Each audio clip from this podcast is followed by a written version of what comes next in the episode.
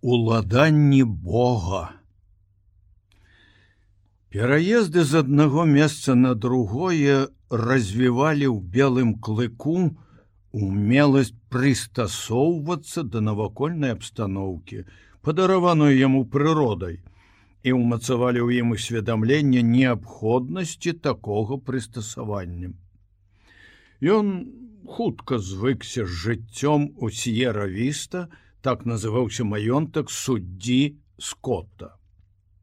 Ніякіх сур'ёзных непаразуменняў з сабакамі больш не было. Тут на поўдні сабакі ведалі звычаі сваіх багоў лепш, чым ён, і ў іх вачах існаванне белага клыка ўжо апраўдывалася тым фактам, што багі дазволілі яму ўвайсці в сваё жыллё. Да гэтага часу ім ніколі ў жыцці не даводзілася сустракацца з ваўком, але раз багі дапусцілі яго да сябе, сабакам не заставалася нічога іншага, як пакарыцца. На першых парах адносіны дзіка да белага клыка не маглі не быць трохі нацягнутымі. Але неўзабаве ён прымірыўся з ім, як з неад'емнай прынадлежнасцю с'еравісты. Калі б усё залежала ад аднаго дзіка, яны былі сябрамі, але белы клык не адчуваў неабходнасці ў сяброўстве. Ён патрабаваў ад сабак, каб яны пакінулі яго ў спакоі. Всё жыццё ён трымаўся асобна ад сваіх сабратаў, і не меў ніякага жадання парушаць цяпер гэты парадак рэчу. Дзік дакучаў яму сваімі чапляннямі. Ён, рыкаючы, праганяў яго прэч. Яшчэ на поўначы белы клык зразумеў, што сабак гаспадара чапаць нельга. І не забываў гэты урок і тут. Але ён прадаўжаў настойваць на сваёй адасобленасці і замкнёнасці і да такой ступені ігнараваў дзіка, што гэтая дабрадушная істота пакінула ўсе свае спробы завязаць сяброўства з белым клыком і нарэшце ўдзяляла яму ўвагі не больш, чым конавязі каля стайнім але сколлі? Справа была некалькі іншая. Прымірыўшыся з тым што прысутнасць ваўка санкцыяніравана багамі яна ўсё ж не бачыла ніякіх прычын для таго каб зусім пакінуць яго ў спакоі У памяці коллі былі безлічныя злачынствы, зробленыя ім яго сабратамі супраць яе продкаў. Знішчаныя аўчарні нельга было забыць ні за адзін дзень, ні за цэлае пакаленне. Яны заклікалі да помсты, Колі не асмельвалася парушыць волю багоў, што дазволілі белому клыку быць сярод іх але гэта не перашкаджала ёй атручваць яму жыццё. Паміж імі была векавая варожасць, і колі паставіла сабе за мэту няспынна напамінаць аб гэтым белому клыку. Скарыстаўшы перавагі свайго полу, яна ўсяляк надакучвала і праследавала яго.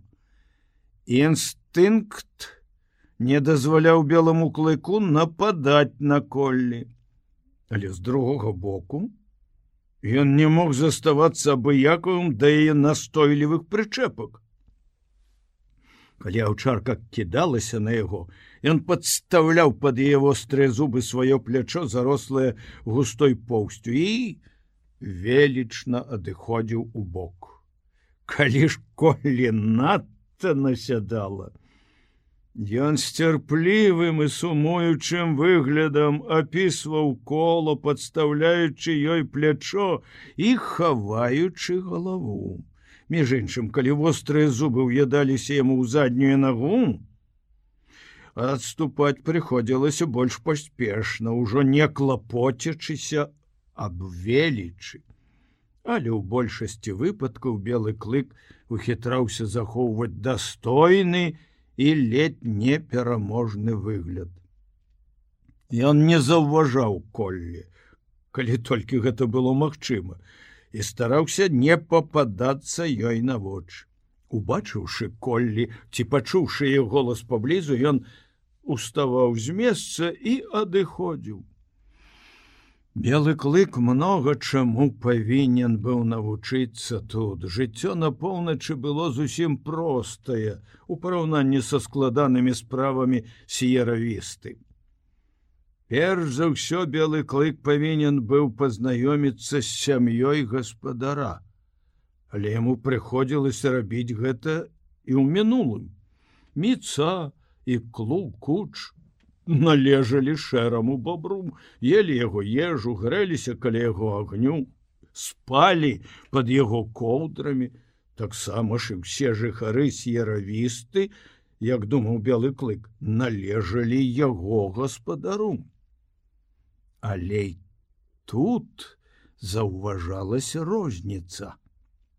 І розніца досыць значная с'еравіста была куды больш вігвама шэрага бобра. Белому клыку даводзілася сустракацца са шмат якімі людзьмі. С'еравісце жыў суддзя скот са сваёй жонкай. Затым там былі дзве сястры гаспадара Бэт і мэры, была жонка гаспадара Эліс, І нарэшце яго дзеці ў ідан і мод двое карапузаў чатырох і шасці гадоў. Ніхто не мог расказаць белому клыку пра ўсіх гэтых людзей. А пра вузы сваяцтва і чалавечыя ўзаемаадносіны ён не ведаў нічога, ды ніколі б не здолеў даведацца. І ўсё ж ён хутка зразумеў, все гэтыя людзі належаць яго гаспадару.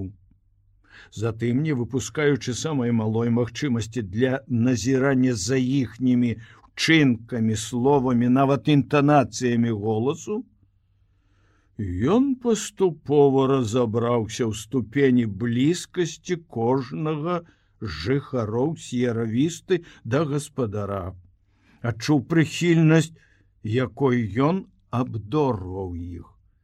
І адпаведна ўсяму гэтаму белы клык пачаў адносіцца да новых багоў. Тое, што цаніў гаспадар, цаніў і ён. Тое, што было дорага гаспадару, павінен быў сяляк песціць і ахоўваць белы клык. Так было і ў адносінах з дзецьмі. Всё сваё жыццё белы клык не цярпеў дзяцей. Ён баяўся і не мог вытрымаць іх да кранання. Ён не забыў дзіцячай бязлітаснасці і дэспатызму, з якімі яму даводзілася сутыкацца ў індзейскіх пасёлках. І калі ўідан і мод у першы раз падышлі да яго, ён засцерагальна зарыкаў і злосна бліснуў на іх вачыма. Удар кулака і прарэзлівы вокрык гаспадара, прымусілі белага клыка пад парадкавацца іх ласкам. Хоць ён не пераставаў бурчаць, пакуль маленькія руки гладзілі яго і ў бурчанні гэтым не чулася ласкавай ноткі. Пазней, заўважыўшы, што хлопчык і дзяўчынка мелі вялікую ценнасць у вачах гаспадара, Ён дазваляў ім гладзіць сябе, ужо не чакаючы ўдару і рэзкага вокрыку. Всё ж белы клык не ўмеў выказваць сваіх пачуццяў. Ён падпарадковаўся дзецям гаспадара з адкрытай неахвотай, цярпеў іхнія прычэпліванні, як терпяць пакутлівую аперацыю. Канчаткова страціўшы цярпенне, ён уставаў і з рашучым выглядам адыходзіў прэч. Але неўзабаве Дзеці пачалі нават падабацца белому клыку. Хоць ён усё яшчэ ніяк не выказваў сваіх адносін да іх. Ён ніколі не падыходзіў да дзяцей сам, але і не ўцякаў ад іх, а чакаў, калі яны падыдуць. А яшчэ праз некаторы час дарослыя пачалі заўважаць, што пры позірку на дзяцей, У вачах белага клыка з'яўляецца задаволены выраз, які саступае месца нечаму накшталт лёгкай прыкрасці, як толькі дзеці пакідаюць яго для іншых забаў. Натура белага клыка паступова ўзбагачалася, але ўсё гэта патрабавала часу. Наступнае месца пасля дзяцей белы клык адводзіў суддзі скоту. Тлумачылася гэта некалькімі прычынамі. Па-першае, гаспадар відавочна вельмі цаніў яго. Па-другое, суддзя скот быў чалавекам стрыманы, Белы клык любіў ляжаць каля яго ног, калі той чытаў газету на прасторнай тэрасе. Позірк ці слова, зрэдку кінутыя ў бок белага клыка казалі яму, што суддзя скот заўважае яго прысутнасць і умее даць адчуць гэта без дакучання. Але ўсё гэта рабілася, калі гаспадара не было паблізу. Як толькі ён паказваўся, увесь астатні свет пераставаў існаваць для белага клыка. Белы клык дазваляў усім членам сям'і скота гладзіць і лашчыць сябе, але ні да кога з іх не адносіўся так, як да гаспадара. Ніякія ласкі не маглі выклікаць любоўных нотак у яго бурчанні. Як не старалася ўся чэляць скота, а нікому з іх не ўдалося прымусіць белага клыка прыціснуцца да сябе галавой. Гэтым выказваннем неабмежаванага давер'я, падпарадкавання і адданасці белы клык узнагароджваў аднаго оіда на скота. Астатнія члены сям'і былі для яго уласнасцю гаспадара. Белы клык вельмі рана адчуў розніцу паміж ім і слугамі. Апошнія баяліся яго, а ён са свайго боку стрымліваўся ад нападу на слух толькі таму, што лічыў іх такой жа ўласнасцю гаспадара. Паміж імі і белым клыком падтрымліваўся нейтралітэт і толькі. Яны гатавалі абед для гаспадара, мылі посуд і выконвалі іншую работу. Як на кландайку ўсё гэта рабіў мэт. Карацей кажучы, слугі ўваходзілі неабходнай безумоўнай часткай у жыццёвы ўклад с'еравісты. Многа новага прыйшлося даведацца белому клыку і за межамі с'еравісты. Уладанні гаспадара былі вялікія, але ўсё ж мелі свае межы. Каля с'еравісты праходзіла дарога. За ёй пачыналіся агульныя ўладанні ўсіх багоў, дарогі, вуліцы, асабістыя ўладанні іншых багоў стаялі за агароджамі. Всё гэта кіравалася безлічнай колькасцю законаў, якія дыктавалі белому клыку яго паводзіны, Хоць ён і не разумеў мовы богоў і мог знаёміцца з гэтымі законамі толькі на падставе уласнага вопыту. Ён дзейнічаў адпаведна сваім інстынктам да таго часу, пакуль не сустракаўся з адным з гэтых законаў. Пасля некалькі такіх сутычак белы клык пачынаў разумець закон, і ўжо больш не парушаў яго. Але мацней за ўсё дзейнічалі на белага клыка кулак гаспадара і строгія ноткі ў яго голасу. Удар гаспадара, да якога белы клык адчуваў велізарную любоў, прыносіў яму такі боль, які не маглі ўчыніць пабоі шэрага бабра і прыгажуна сміта. Пабоі тых былі адчувальнымі толькі для цела і не ўціхамірвалі прыгожага ў сваёй лютасці белага клыка. Удары гаспадара былі занадта слабыя, каб прынесці боль. І все ж яны пранікалі глыбей. Гаспадар выказваў сваю непахвальнасць і гэтым наносіў удар белому клыку самае сэрца.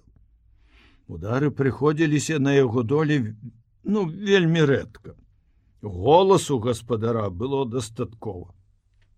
Белы клык меркаваў па ім добра ён зрабіў ціня, прыстасоўваў да яго свае паводзіны, суразмяраў учынкі. Голас гэты служыў яму компасам, па якому ён накіроўваў свой шлях компасам, які дапамагаў яму пазнаёміцца з новай краінай і новым жыццём. На поўначы сабака быў адзінай хатняй жывёлай.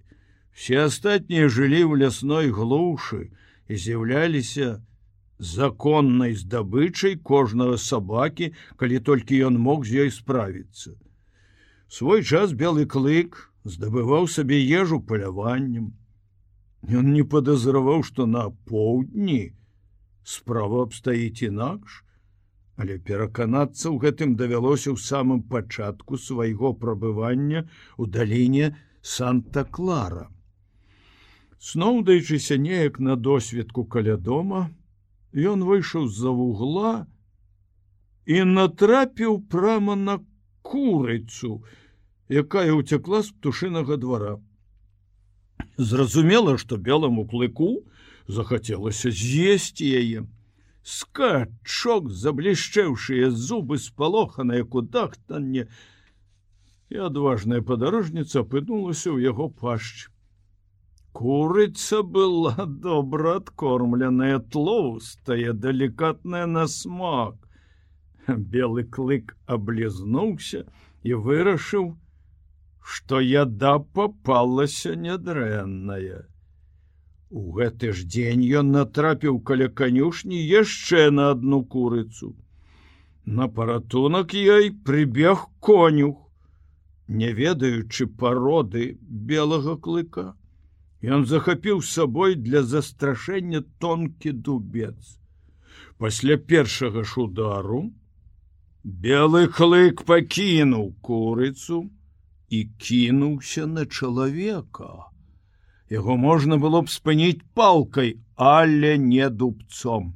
Белы клык прыняў другі удар, що ён сустрэў яго на сярэдзіне скачка, моўчкі не задрыжэўшы ад болю конюк конюх ускрыкнуў адхіснуўся назад ад сабакі які скочыў яму на горло упусціў дубец і схапіўся за шыю руками у выніку рука яго была распаласавана ад локця ўніз да самай косці конюх страшэнна спалохаўся.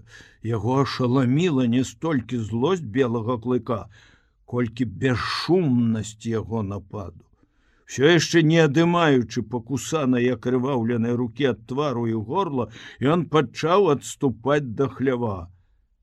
Калі б не з'явілася на сцэне коллі, яму было б дрэнна. Коллі выратавала конюху жыццё таксама як у свой час яна выратавала жыццё дзіку. Не памятаючы сябе ад гневу яна кінулася на белага клыка. Яна мела рацыю і была разумней за дапусціўшых памылку багоў. Сее падазрэнні апраўдаліся. Непапраўны драбежнік зноў узяўся за свае старыя ўчынкі. Конюх уцёк на канюшня, а белы клык пачаў адступаць, перад бязлітаснымі зубамі коллі, кружачыся то в адзін, то ў другі бок і падстаўляючы пад яе ўкусы плячо. Але коллі не пакідала яго ў спакоі, не абмяжоўваючыся на гэты раз звычайным пакараннем. Е ўзрушэнні злосць распаляліся з кожнай хвілінай, і нарэшце белы клык забыў увесь свой гонар і ўцёк ад яе ў поле. Ён пакіне курэй у пакоі, сказаў гаспадар. Але мне трэба за ну застаць яго на месца злачынства. Выпадак здарыўся праз два дні, але гаспадар не мог і меркаваць, якіх памераў дасягне злачынства. Белы клык уважліва сачыў за птушэным дваром і яго жыхарамі. Увечары, калі куры ўселіся наседала, ён узлез на груду нядаўна прывезеных дошак, адтуль скочыў на дах куратніка, пералез праз яго, саскочыў на зямлю, секундай пазней у куратніку пачалася разаніна. Раніцай, калі гаспадар выйшаў на тэрасу, ён убачыў жахлівае відовішча.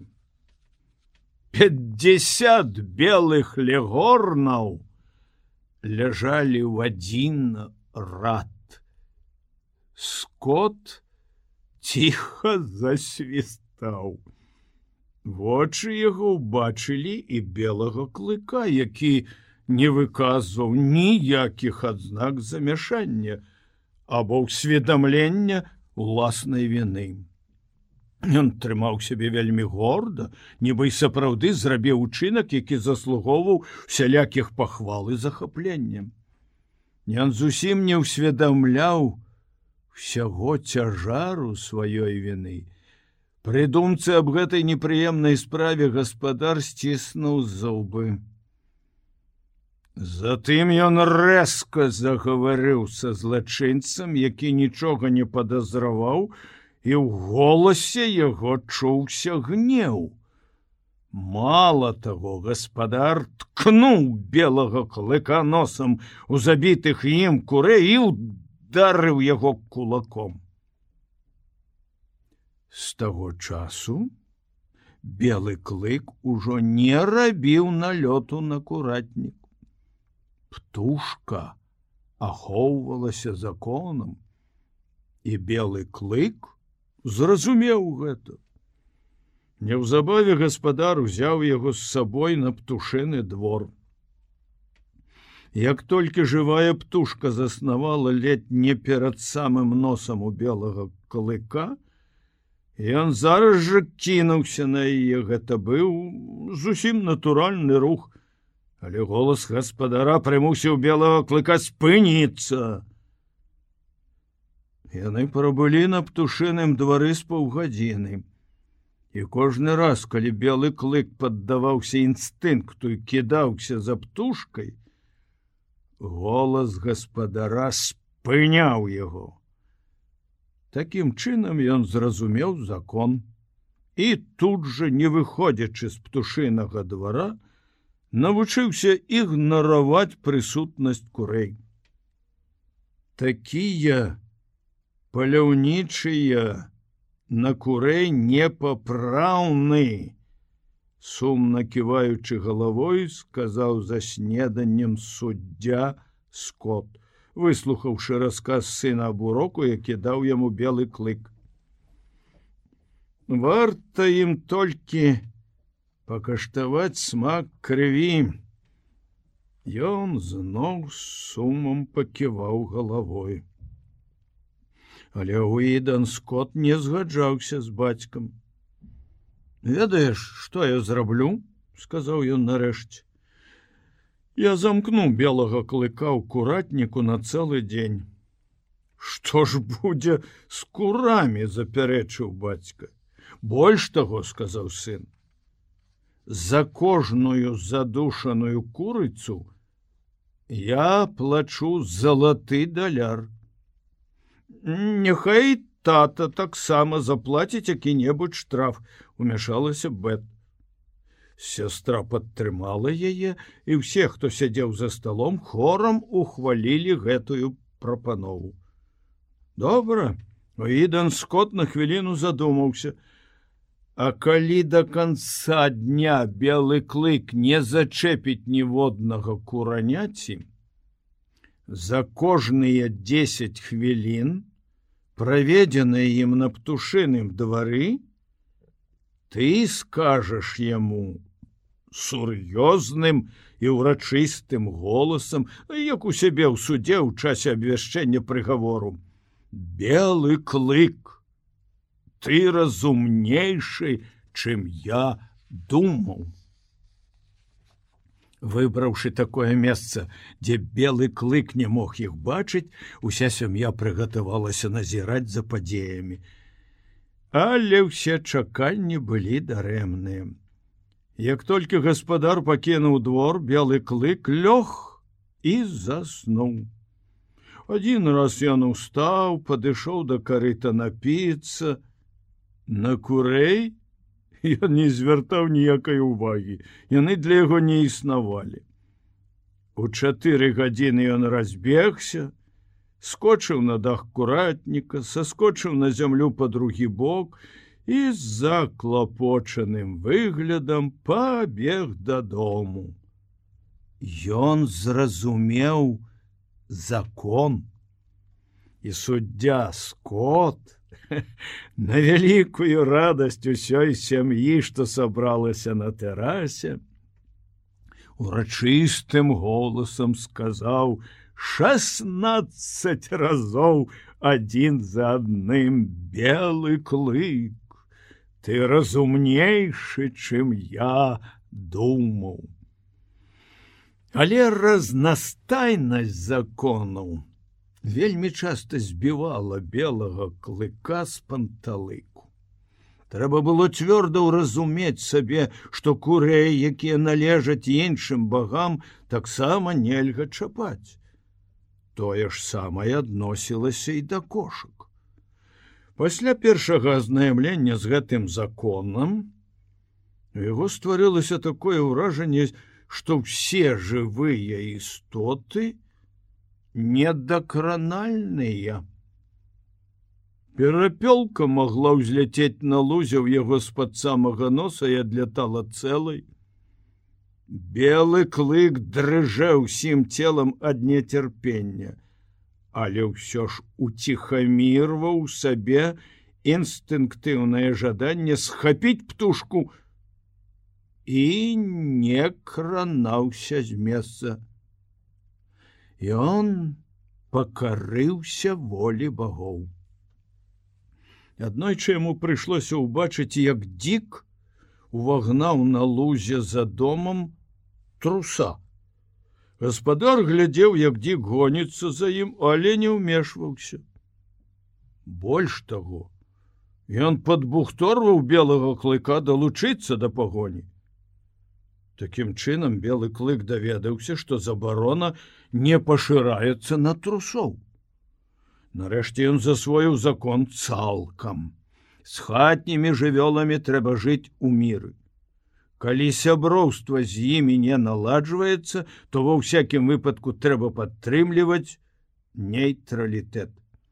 Але іншыя жывёлы, вавёркі перапёлкі трусы якія не парвалі сувязі з лясной глушу і не пакараліся чалавеку былі законнай здабычай кожнага сабакі. Багі абаранялі толькі ручных жывёл і не дазвалялі ім жыць у варожасці паміж сабой Багі былі ўладарныя ў жыцці і смерці сваіх падданых і старанна ахоўвалі гэтую ўладу. Жыццё ў серавісці было вельмі вельмі складанае. Ну параўнанні з прастатой жыцця на поўнач. Цывілізацыя патрабавала ад белага клыка перш за ўсё кантролю над сабой, вытрыманасці, ураўнаважанасці, неасязальная як павуцінка, і ў той жа час цвёрда як сталь. Жыццё тут было тысячалікае, і белы клык судакранаўся з ім ва ўсёй яго разнастайнасць. Яму прыходзілася бегчы ўслед за каляскай па горадзе, або сноўдацца па вуліцах, чакаючы гаспадара, Жыццё цякло мімо яго глыбокім неабсяжным потокам, няспынна патрабуючы імгненнага прытасавання да сваіх законаў. І ма ну амаль заўсёды, прымушаючы белага клыка заглушаць у сабе все прыродныя парывы. У горадзе ён бачыў мясныя крамы, у якіх на вачах ва ўсіх вісела, мяса, але чапаць яго не дазвалялася. У дамах, куды заходзіў гаспадар, былі кошки, якіх таксама трэба было пакідаць у спакоі. А сабакі сустракаліся ўсюды, і біцца з імі было нельга, хоць яны і раўлі на яго. Апрача таго на тратуарах безлічная колькасць людзей хадзіла ўзад уперад, Ён прыцягваў да сябе іх увагу. Людзі спыняліся, глядзелі, паказвалі на яго адзін аднаму пальцамі, разглядалі з усіх бакоў, загаворвалі з ім і што было горш за ўсё, чапалі белага клыка руками.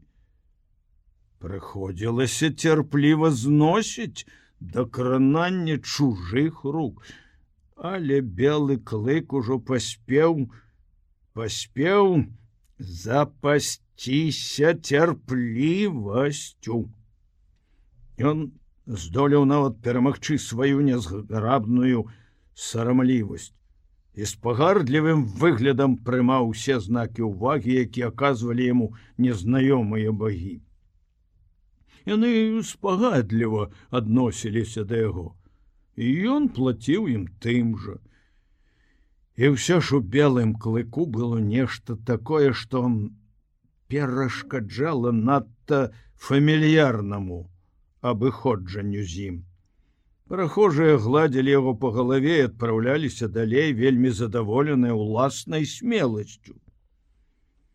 Але белому клыку не заўсёды ўдавалася адчапіцца так лёгка, калі коляска праязджала ваколіцамі сан-хазе хлапчукі што попадаліся на дарозе сустракалі яго каменнямі. Белы клык ведаў што дагнаць іх і адтрапаць як належыць нельга Прыходзілася рабіць наперакор інстынкту самазахавання і белы клык, які рабіўся ручным цывілізаваным сабакам, заглушаў сабе голас інстынкту. І ўсё ж такое становішча спраў не зусім задавальняла яго. Праўда, ён не мог мець адцягненнага ўяўлення аб бестараннасці і сумленнасці Але кожная жывая істота да пэўнай ступені мае пачуццё справядлівасці. І белому клыку цяжка было прымірыцца з тым, што ён не можа абараніць сябе ад гэтых хлапчукоў. Белы клык забыў, што дагавор, заключаны паміж ім і багамі, абавязваў іх клапаціцца аб ім і ахоўваць яго жыццё. Але неяк аднаго разу гаспадар выскачыў з каляскі з бізуном у руках і як належыць правучыў хлапчукоў. Пасля гэтага яны ўжо не кідаліся каменнямі.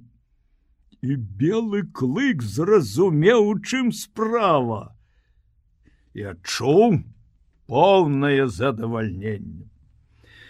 Неўзабаве яму прыйшлося перанесці другі падобны выпадак.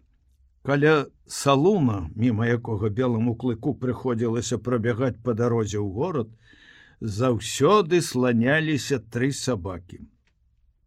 Яны ўзялі сабе за правіла кідацца на белага клыка. Ведаючы, чым заканчваюцца ўсе яго бойкі з сабакамі, Гаспадар няспынна паўтараў белому клыку закон, які забараняе бойкі. Белы клык добра засвоіў гэты урок і таму прабягаючы міма салуна заўсёды пападаў вельмі непрыемнае становішча рык яго зараз жа адганяў усіх трох сабак на значную дыстанцыю але яны продолжалі сваю пагоню брахалі абражалі яго это працягвалася даволі доўгі час наведвальнікі салуна нават заахвочвалі сабак і неяк раз зусім адкрыта нацкавалі іх на белага клыка. Гаспадар спыніў каляску. Возьми іх, сказаў ён белому клыку. Белы клык не верыў уласным ушам. Ён паглядзеў на гаспадара, паглядзеў на сабак, потым яшчэ раз запытальна і з прагнасцю глянуў на гаспадара той кіўнуў галавой возьми іх дай ім як належыць белы клык адкінуўся хістанне ў бок ён павярнуўся і моўчкі скочыў на ворагаў. Тыя сустрэлі яго напад. Пачалася валтузня. Сабакі брахалі вылі ляскалі зубамі. Пыл што ўзняўся слупом засланіў поле бітвы. Але праз некалькі хвілін два сабакі ўжо біліся на дарозе ў перадсмяротных сутаргах а трэці ўцякаў на ўсю моц белы клык пераскочыў канаву пролез праз плот і ўцёк у поле Ён імчаўся зусім бесшумна, як сапраўдны воўк, не ўступаючы ваўку хуткасці на сярэдзіне поля нагнаў сабаку і прыкончыў яго. Гэтае тройное забойство паклала канец яго непрыемнасцям з сабакамі. Чуткі аб здарэнні разнесліся па ўсёй даліне і людзі пачалі сачыць за тым, каб іх сабакі пакідалі белага клыка у спакоі.